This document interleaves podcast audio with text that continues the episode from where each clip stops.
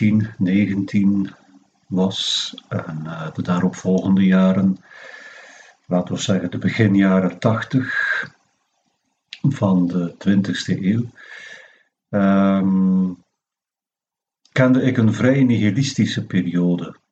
Het was een periode waarin ik in niets meer geloofde, waarin ik uh, vrij moedeloos door het leven ging, waar ik vond dat de zinloosheid uit de muren van uh, de gebouwen droop in gelijk welke plaats waar ik mij bevond. Het was ook uh, ja, een periode met enorm veel werkloosheid. Ik was jong, heel erg beïnvloedbaar, denk ik, door uh, wat er gebeurde in de wereld rondom mij. Dus er was een heel grote werkloosheidsgraad. Er was ook een uh, dreiging van het gebruik van uh, atoomwapens, kernwapens. De Koude Oorlog, die, ja, die, die, die was nog altijd bezig natuurlijk.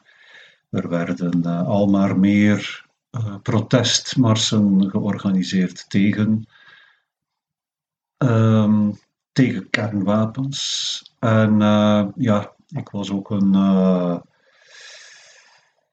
een liefhebber, zeg maar, van nogal energieke muziek, maar ook nogal ja, heel donkere, donkere muziek. Ik herinner mij, eerst was er de punk en daarna de new wave, maar ik herinner mij groepen als Suicide, de naam alleen al.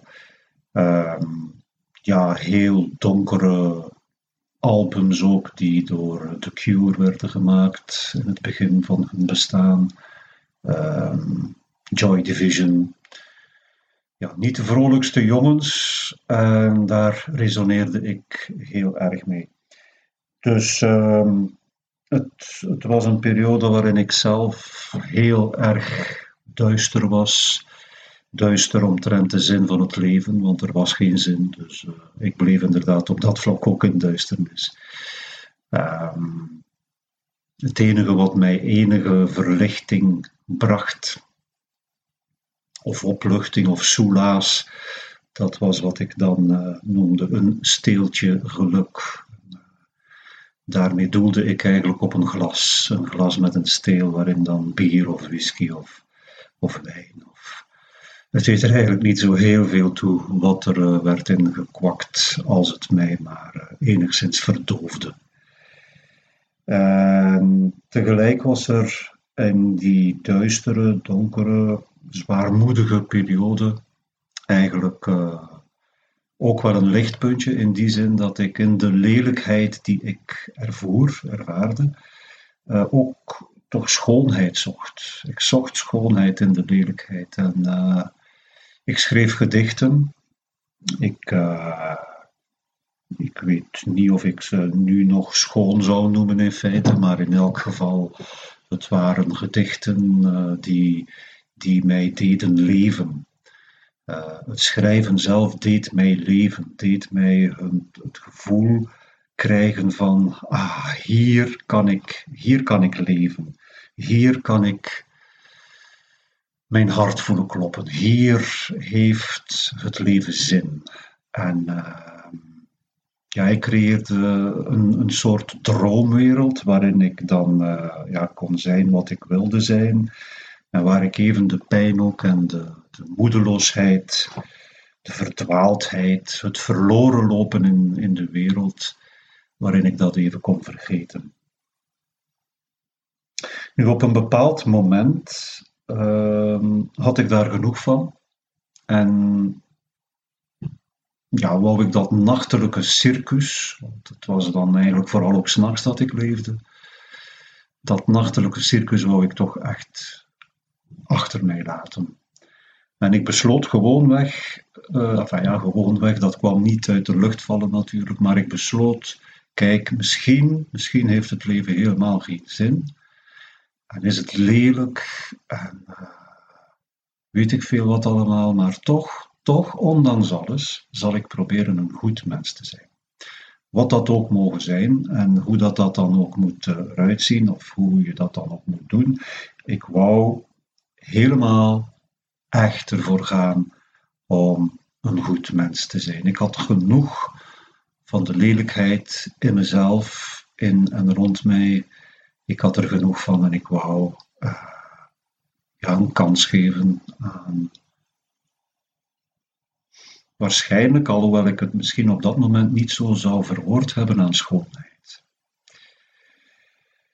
Um, niemand had mij dat opgelegd. Niemand had mij opgelegd om op een bepaald moment te zeggen: Ja, kijk, ik stop nu met dat nachtelijke leven en ik ga uh, proberen een goed mens te zijn. Dat was eigenlijk iets dat uit mezelf kwam. Het kwam uit mezelf en het kwam ook niet zomaar uit de lucht gevallen, want ik denk dat een aantal ervaringen van uit mijn kindertijd er ook mee te maken hebben, zoals bijvoorbeeld op een bepaalde avond ik in mijn bed lag. Ik weet niet meer hoe oud ik zal geweest zijn, dat moet iets van een acht of negen of tien uh, jaar geweest zijn. Ik kan het echt niet nader benoemen of uh, preciezer zeggen of dateren. Maar het was in elk geval op een avond dat ik in bed lag als kind en ik een soort van beeld kreeg, een visie, dat uh, alles onnoemelijk met elkaar verbonden was. En ik zag als het ware in het uh, ganse universum, in de, in de ganse kosmos, overal zag ik lichtjes. Lichtjes die, die gewoon met elkaar in verbinding staan. En alles wat leefde was een lichtje en alles wat leefde was dus verbonden met andere levensvormen. En of dat nu juist was of niet juist was, wist ik het natuurlijk, maar het gaf mij in elk geval een bijzonder diep bevredigend, tevreden gevoel. En dat gevoel herinnerde ik mij nu en dan. Natuurlijk, in die nihilistische periode had ik er helemaal geen oren naar. Dan was ik uh, vrij diep ondergedompeld in die uh, zwaarmoedige, nihilistische zinloosheid die uh, ik overal meende te zien. Maar uh, ja, op een of andere manier heeft dat toch um, doorgewerkt, denk ik. Plus een, een, verlangen die ik ook wel als ouder wordend kind dan. Dat zal dan ook wel al als ik uh, 15, 16 jaar was, 17. Dan wou ik uh, leven als Jezus. Hoewel ik eigenlijk geen idee had waar Jezus voor stond. Maar het, het maakte op mij wel indruk in die zin dat uh, voor mij Jezus een, een, een, figuur was die eigenlijk op een heel andere manier in het leven stond. Uh, een manier met heel veel betekenis, met heel veel zingeving, met heel veel schoonheid, met heel veel liefde. Uh, en dat was het zo wat voor mij. Ik, ik, ik hield mij niet bezig met uh, doctrines of dogma's van het christendom. Um, Jezus was een soort symbool voor mij van een, uh, een frisse, ja, een, een, een fris hart. Een, een hart vol dynamiek en leven, zoiets.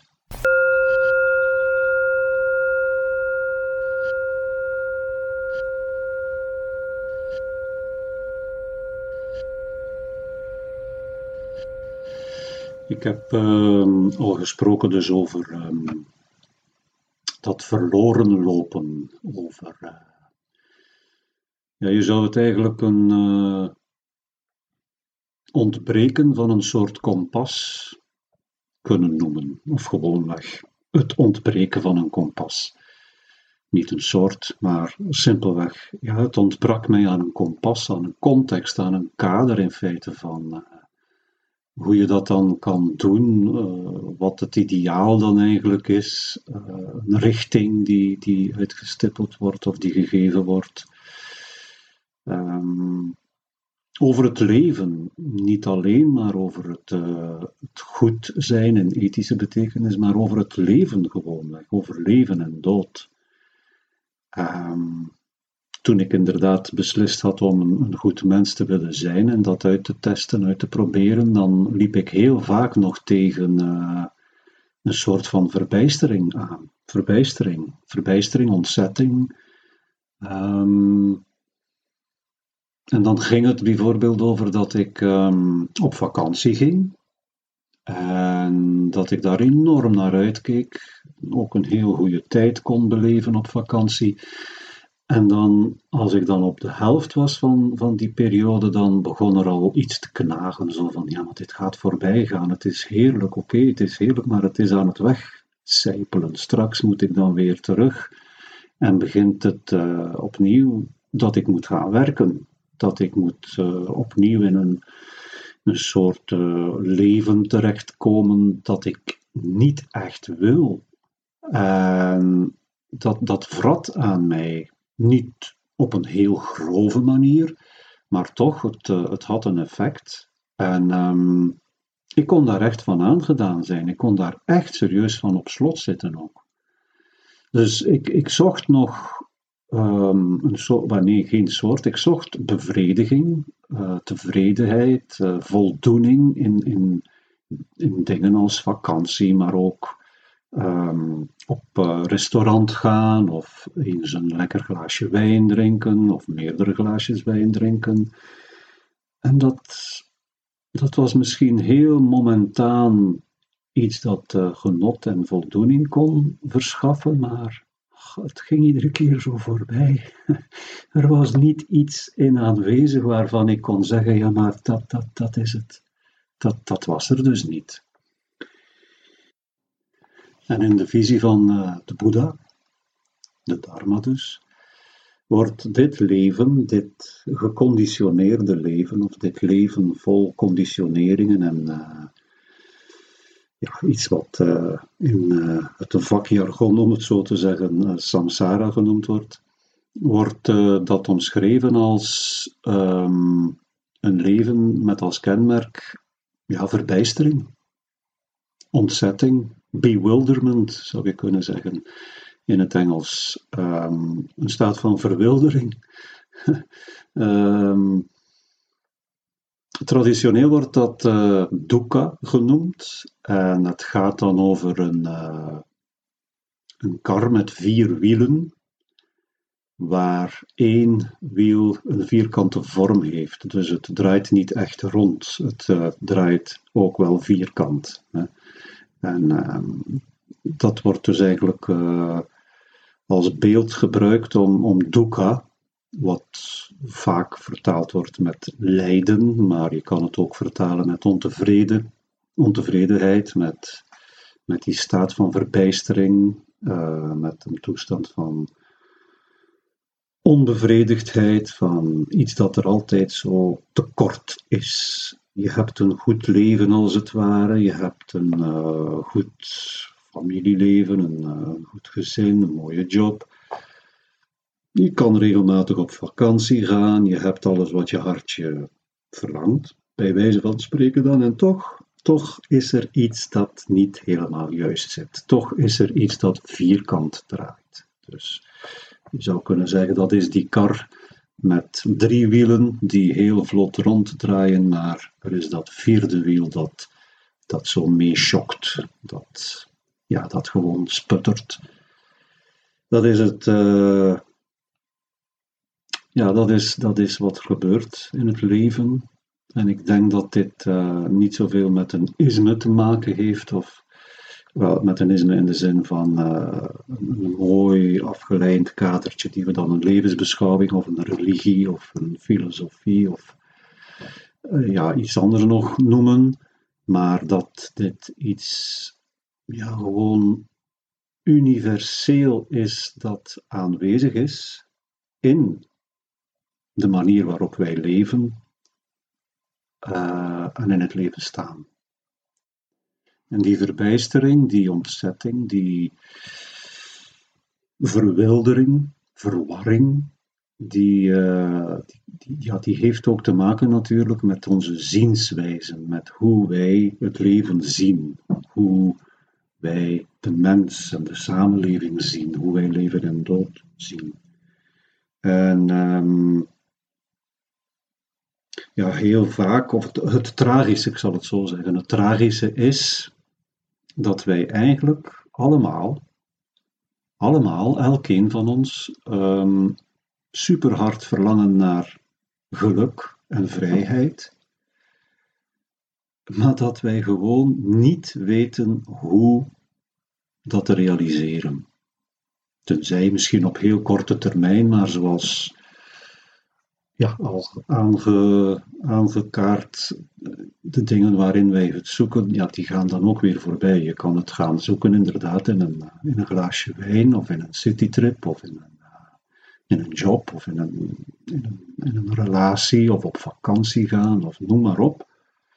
In het aankopen van een nieuwe smartphone en die gaat eventjes een jaar of twee heel goed mee, maar dan zie je weer een nieuwere smartphone die nog iets meer kan, die wat mooiere foto's kan trekken, of wat meer geheugen heeft, of weet ik veel wat. En dan wil je die nieuwere versie. En, en dan een beetje later wil je dan iets anders, want ja, die smartphone die ja, die heeft jou wel wat genot en uh, bevrediging gegeven. Dat was leuk, dat was fijn, dat was plezierig. Maar misschien moet je maar iets anders zoeken nu om ook weer iets te vinden dat jou dan ook weer even een tijdje ja, genoegdoening kan geven. En, uh, en als dat dan ook weer voorbij is, ja, dan kan je wel kijken wat je dan weer kan kopen.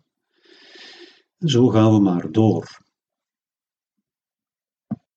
Zo gaan we maar door en dat is een vicieuze cirkel. Dat is een cirkel waarin we blijven ronddolen, ronddwalen, rondcirkelen. En dat, dat bestaan wordt uh, samsara genoemd.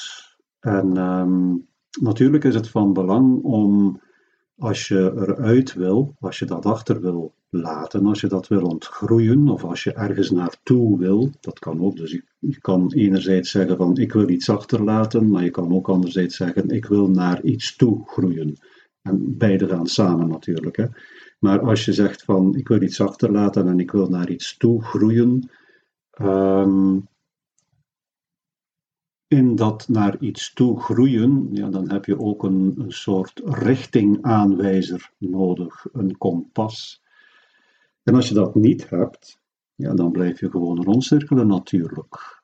Um, zienswijzen zijn hierin ook echt cruciaal, want als je van mening bent of als je zienswijze zo is dat, ja, dat dit het enige leven is en dat na de dood het grote niets wacht, het, uh, het grote zwarte gat, de duisternis, het uh, complete weggeveegd zijn, het, uh, het niets, het grote niets, dus dit leven is het enige leven, dan kan het dat je de opvatting bent toegedaan dat, ja, dat het er dan op aankomt om maar zoveel mogelijk te graaien en te genieten. En niet al te zeer ja, je druk te maken in, uh, in, in klimaat en in hoe het met de anderen gaat. En als jij het dan maar goed hebt, als jij het dan maar geweldig hebt en plezierig en leuk en zo aangenaam mogelijk, want ja, wat hoef je of wat kun je anders doen?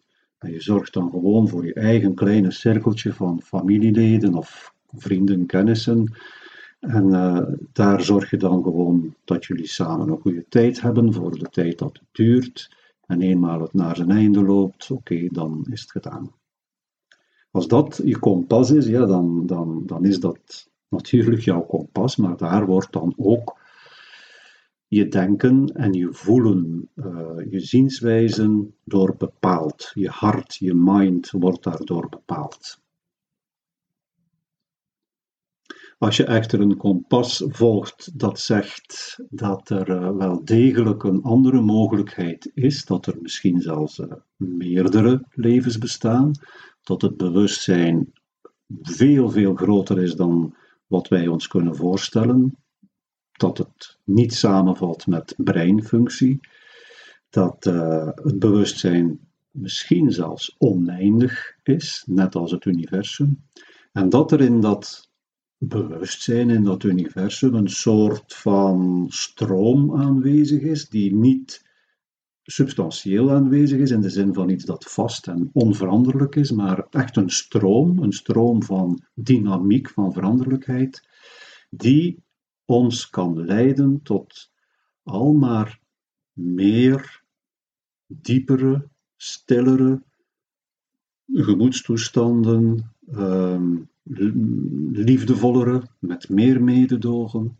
meer helderheid, meer wijsheid, met meer in overeenstemming leven van hoe de dingen zijn. En hoe de dingen zijn is dat alles wat geconditioneerd is voorbij gaat en dat we daar meer in overeenstemming mee gaan leven en dat dat helemaal oké is, dat dat helemaal open en relaxed is om daarmee om te gaan. Want nu leven we daar helemaal niet relaxed mee. Dat de dingen voorbij gaan. We kunnen wel zeggen dat we dat weten, maar we handelen er niet altijd naar. Dus de vraag is maar, in hoeverre is dat dan een weten? We, we weten wel, tussen aanhalingstekens, dat we ooit eens gaan sterven, maar ja, als ik zou zeggen dat dat vandaag kan gebeuren, dan gaan de meesten onder ons waarschijnlijk zeggen, oh, dat zal wel niet, hè. We gaan ervan uit dat het vandaag niet gebeurt.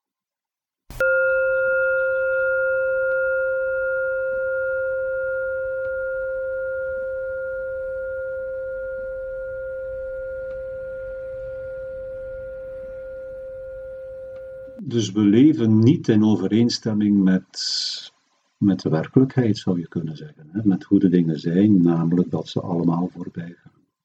We leven ook niet in overeenstemming met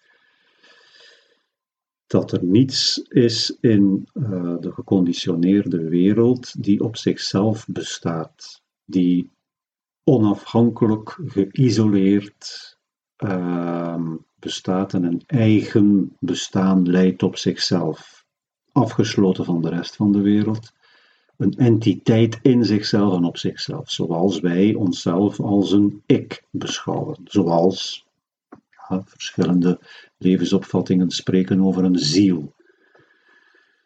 In de Dharma, in de visie van de Boeddha, wordt dat ontkend, het bestaan van iets dergelijks substantieel, onveranderlijk, gefixeerd en vast.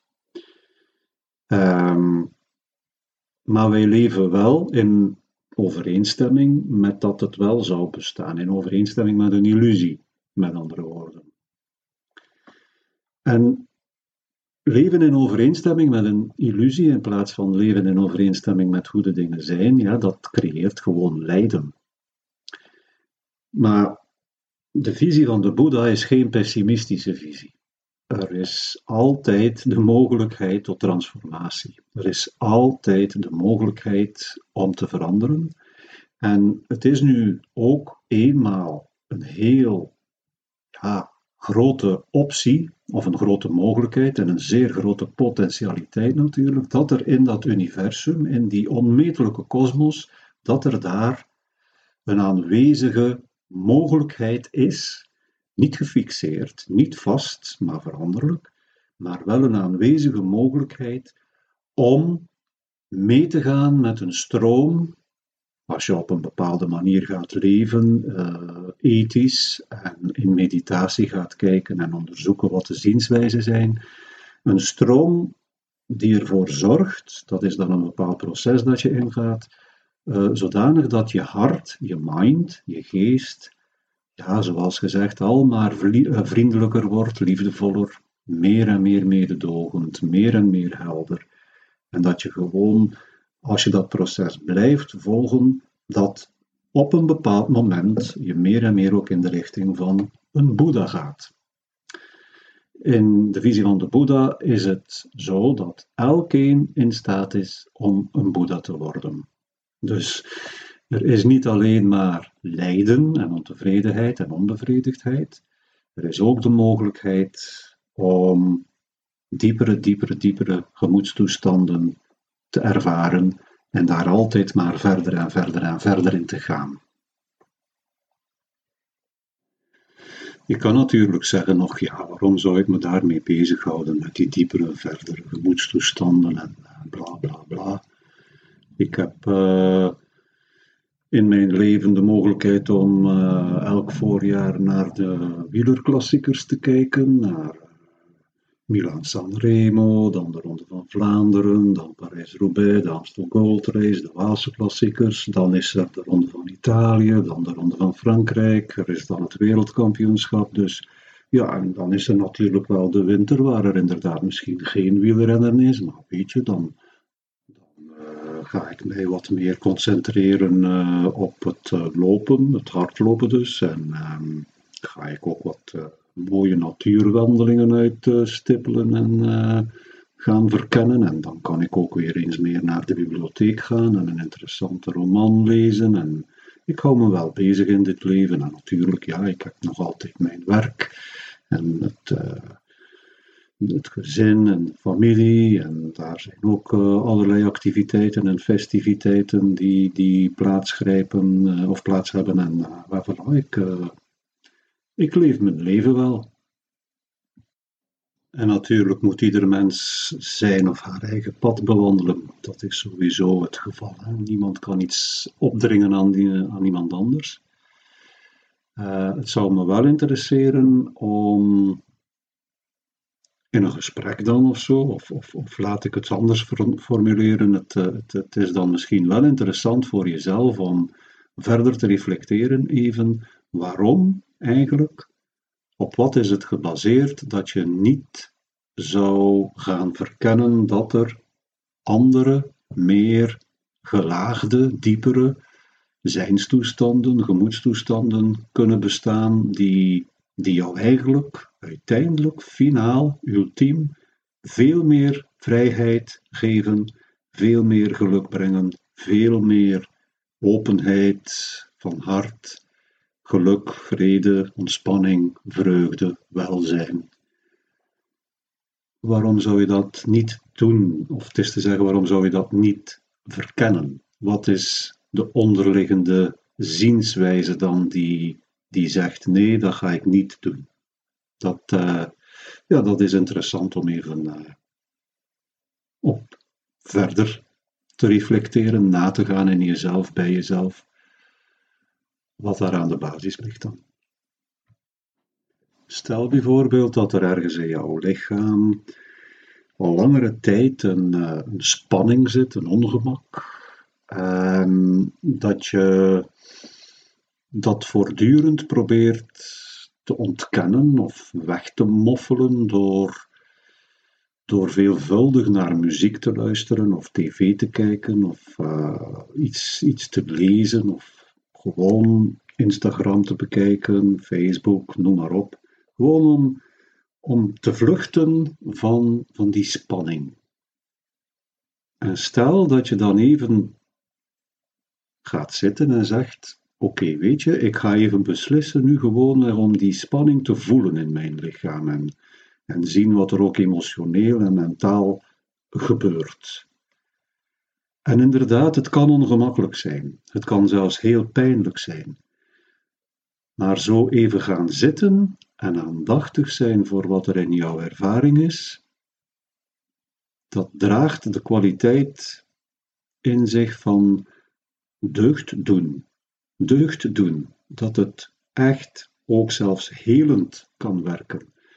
De kwaliteit van aandacht is dat je eigenlijk als het ware samenvalt met jezelf, om het uh, even op die manier uit te drukken. Dat je, dat je weet, dat je voelt gewoonweg, echt voelt en weet wat er in jou aan het gebeuren is.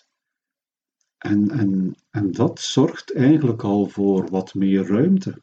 Want die spanning of die spagaat is er niet van die kramp is er niet van dat je iets moet wegkrijgen, dat je iets moet wegduwen, dat je iets niet mag voelen, dat je iets moet ontkennen enzovoort. Dat is allemaal regelrechte verkramping. Regelrechte verkramping. Terwijl het aandachtig zijn bij wat er is, in wat er is, geeft en schept ruimte. Of stel, een ander voorbeeld, dat er in jouw familie eh, of vriendenkring iemand is die jou nogal kan irriteren. Ehm, doordat het iemand is bijvoorbeeld die, die altijd maar het allernieuwste moet, uh, moet kopen of hebben en dat dan met veel poeha uh, moet tonen aan, aan elkeen die het maar wil zien en niet wil zien en daar dan eigenlijk nogal opschepperig over doet. Uh, en dat kan jou dus nogal irriteren, dan, dan kijk, het is niet, het is niet op zich fout om, om die irritatie te voelen, dus voel maar, voel maar gewoon, ervaar die irritatie en ga even dieper kijken, gewoon wat ligt er, wat zit er onder die irritatie, welke zienswijze is er um, aanwezig. En misschien, als voorbeeld gewoon, misschien kan het zijn dat, dat je jaloers bent.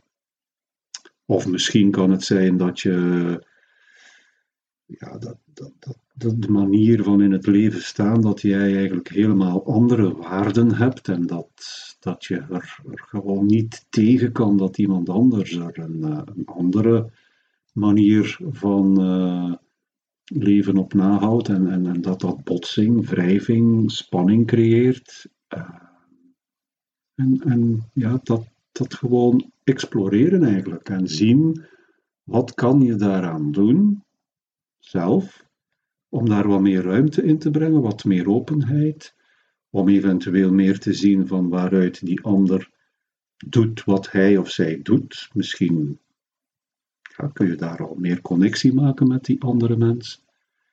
En gewoon zien wat, wat voor effect dat ook heeft op jezelf en op de interactie met, met iemand anders. En nogmaals, het hoeft niet zo te zijn dat je die andere plots helemaal fijn en aangenaam zal moeten vinden of iets. Het gaat hier gewoon over exploratie van, van zienswijzen, van emoties, van gedachten. Um, ja, van een soort nieuwsgierigheid die, die, die eigenlijk uh, probeert te verhinderen dat je dingen betoneert, vastzet en, ja, en in, verkrampt en ineenkrimpt van, van, van dat gebetoneren, dat vastzetten en, en uh, een andere mogelijkheid is het uh, op, opengooien en andere mogelijkheden uh, gaan onderzoeken en toelaten en, en, zien wat er gebeurt. En, ja, hoogstwaarschijnlijk zal er meer ruimte ontstaan, meer vrijheid en, en zal je je ook rustiger voelen, minder benepen, echt minder benepen. En ja, voor mijn part moet je natuurlijk uh, niet verlangen een Boeddha te worden en uh, hoef je daar ook niet onmiddellijk mee bezig te zijn. Maar ik, uh, ik zelf, ik, ik geloof echt, ik vertrouw, in de zin, geloven in de zin van vertrouwen, dat, dat dat wel degelijk iets is dat voor elkeen is weggelegd. Dat dat iets is dat echt in, ja, in onze menselijk vermogen ligt om iemand te worden die met ogen vol liefde, vol compassie, vol mededogen, vol wijsheid kijkt naar alles wat leeft. En uh, persoonlijk verlang ik daarnaar, ook omdat ik uh, uit ervaring weet dat ik niet zo kijk en dat ik uh, genoeg benepenheid, verkramping, pijn, dukkha in mijn eigen leven ervaren. En dat ontgroeien, dat overstijgen en achterlaten, vind ik uh, heel, heel, heel aantrekkelijk.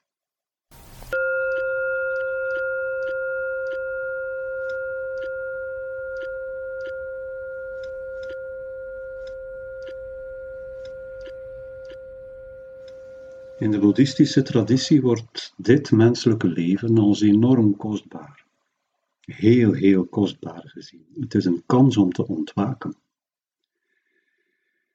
Dus is het jouw verantwoordelijkheid, mijn verantwoordelijkheid, onze verantwoordelijkheid om een heel betekenisvol leven te leiden waarin je je bewust bent van die kostbaarheid. Uh, onlangs, onlangs, las ik uh, uh, dat een Tibetaan eens zei: mensen dragen meer zorg voor hun auto dan voor de betekenisgeving in hun leven. En ik denk ja, dat dat wel eens zo, zo, zo zou kunnen zijn. Stel jezelf de vraag: waarom?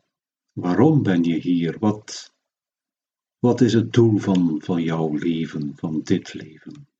Is het om nieuwe recepten uit te proberen en een nieuwe keuken te installeren? Om uh, voetbalwedstrijden te gaan bekijken, om je geld te tellen, jacuzzi's te bouwen, verandas te bouwen, enzovoort. En als dat het volledige perspectief inneemt, en ik zeg wel het volledige perspectief inneemt van jouw leven, stel jezelf dan echt de vraag ook: leid ik echt werkelijk een vervullend leven, een bevredigend leven? Stel jezelf die vraag, want het, het gaat er mij ook niet om dat jullie boeddhist worden of dat jullie uh, erop vertrouwen dat je een boeddha kan worden. Dat is iets wat, wat jullie zelf, echt zelf moeten uitmaken. Maar stel jezelf die vraag: leid ik een werkelijk vervullend, bevredigend leven? En misschien nodig ik jullie inderdaad ook uit, ja, ik nodig jullie uit om open te staan voor de mogelijkheid. De mogelijkheid namelijk dat het niet alleen maar zo is dat wij rondlopen met een gevoel van tekort en dat er een ontevredenheid uh, aanwezig is in ons leven en dat er lijden is en pijn en verdriet, maar dat er ook echt de mogelijkheid is van vreugde en blijheid en geluk en vrijheid. Vrijheid, echt vrijheid. De mens heeft een enorm potentieel en dat potentieel bestaat erin om net, en nogmaals, ik vraag niet dat jullie geloven of vertrouwen dat je kan een Boeddha worden, maar het is mogelijk om meer te groeien in helderheid, in wijsheid, om meer te groeien in mededogen, in verbinding, in liefde. We hebben een enorm potentieel uh, in ons. Een, een potentieel dat ook gaat over bewustzijn.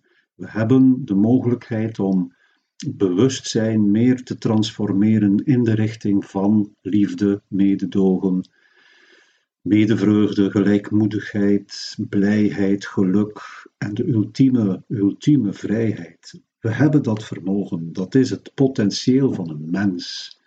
Benutten we dat? Gebruiken we dat? Wenden we die vrijheid, of dat potentieel tenminste, wenden we dat aan? Gebruiken we dat talent dat we hebben? Of leven we liever ja, eh, met een kleiner perspectief, met een perspectief dat, ja, dat het leven allemaal niet zo heel erg de moeite waard is en dat het wel oké is om een, eh, een, fijne job te hebben, zeker ook genoeg geld te verdienen en uh, nu en dan eens een reisje, een knappeltje, uh, ja, gewoon wat wegzakken in de zetel s'avonds, naar een serietje kijken, even een chipje erbij nemen, een cognacsken of zo, enzovoort. En let op, een mens mag genieten hoor. Een mens mag echt genieten. Maar wat is het perspectief van jouw leven? Wat is het doel van jouw leven? En kun je je ervoor openstellen dat dit leven echt, gewoonweg, echt kostbaar is? Specifiek in de zin van, excuseer, specifiek in de zin van dat je dit leven een ontdekkingstocht kan laten zijn, een exploratie, een verkenning naar de mogelijkheden van bewustzijn, naar de mogelijkheden van je hart te richten meer op wat je zelf nodig hebt en wat anderen nodig hebben. Op wat je zelf nodig hebt en wat anderen nodig hebben. Ik wil even die en ertussen benadrukken op, ja, gewoon op aandacht, op eenvoud, op verstilling, op schoonheid. Schoonheid gewoonweg. De schoonheid van een hart dat meevoelt, dat meetrilt. Meetrilt met het verdriet, de pijn, de liefde, de blijheid, de vreugde van anderen. Het is mogelijk, het kan. Kun je je met andere woorden dus openstellen voor de kostbaarheid van jouw leven, voor de waarde van jouw leven in dit leven. Om Mani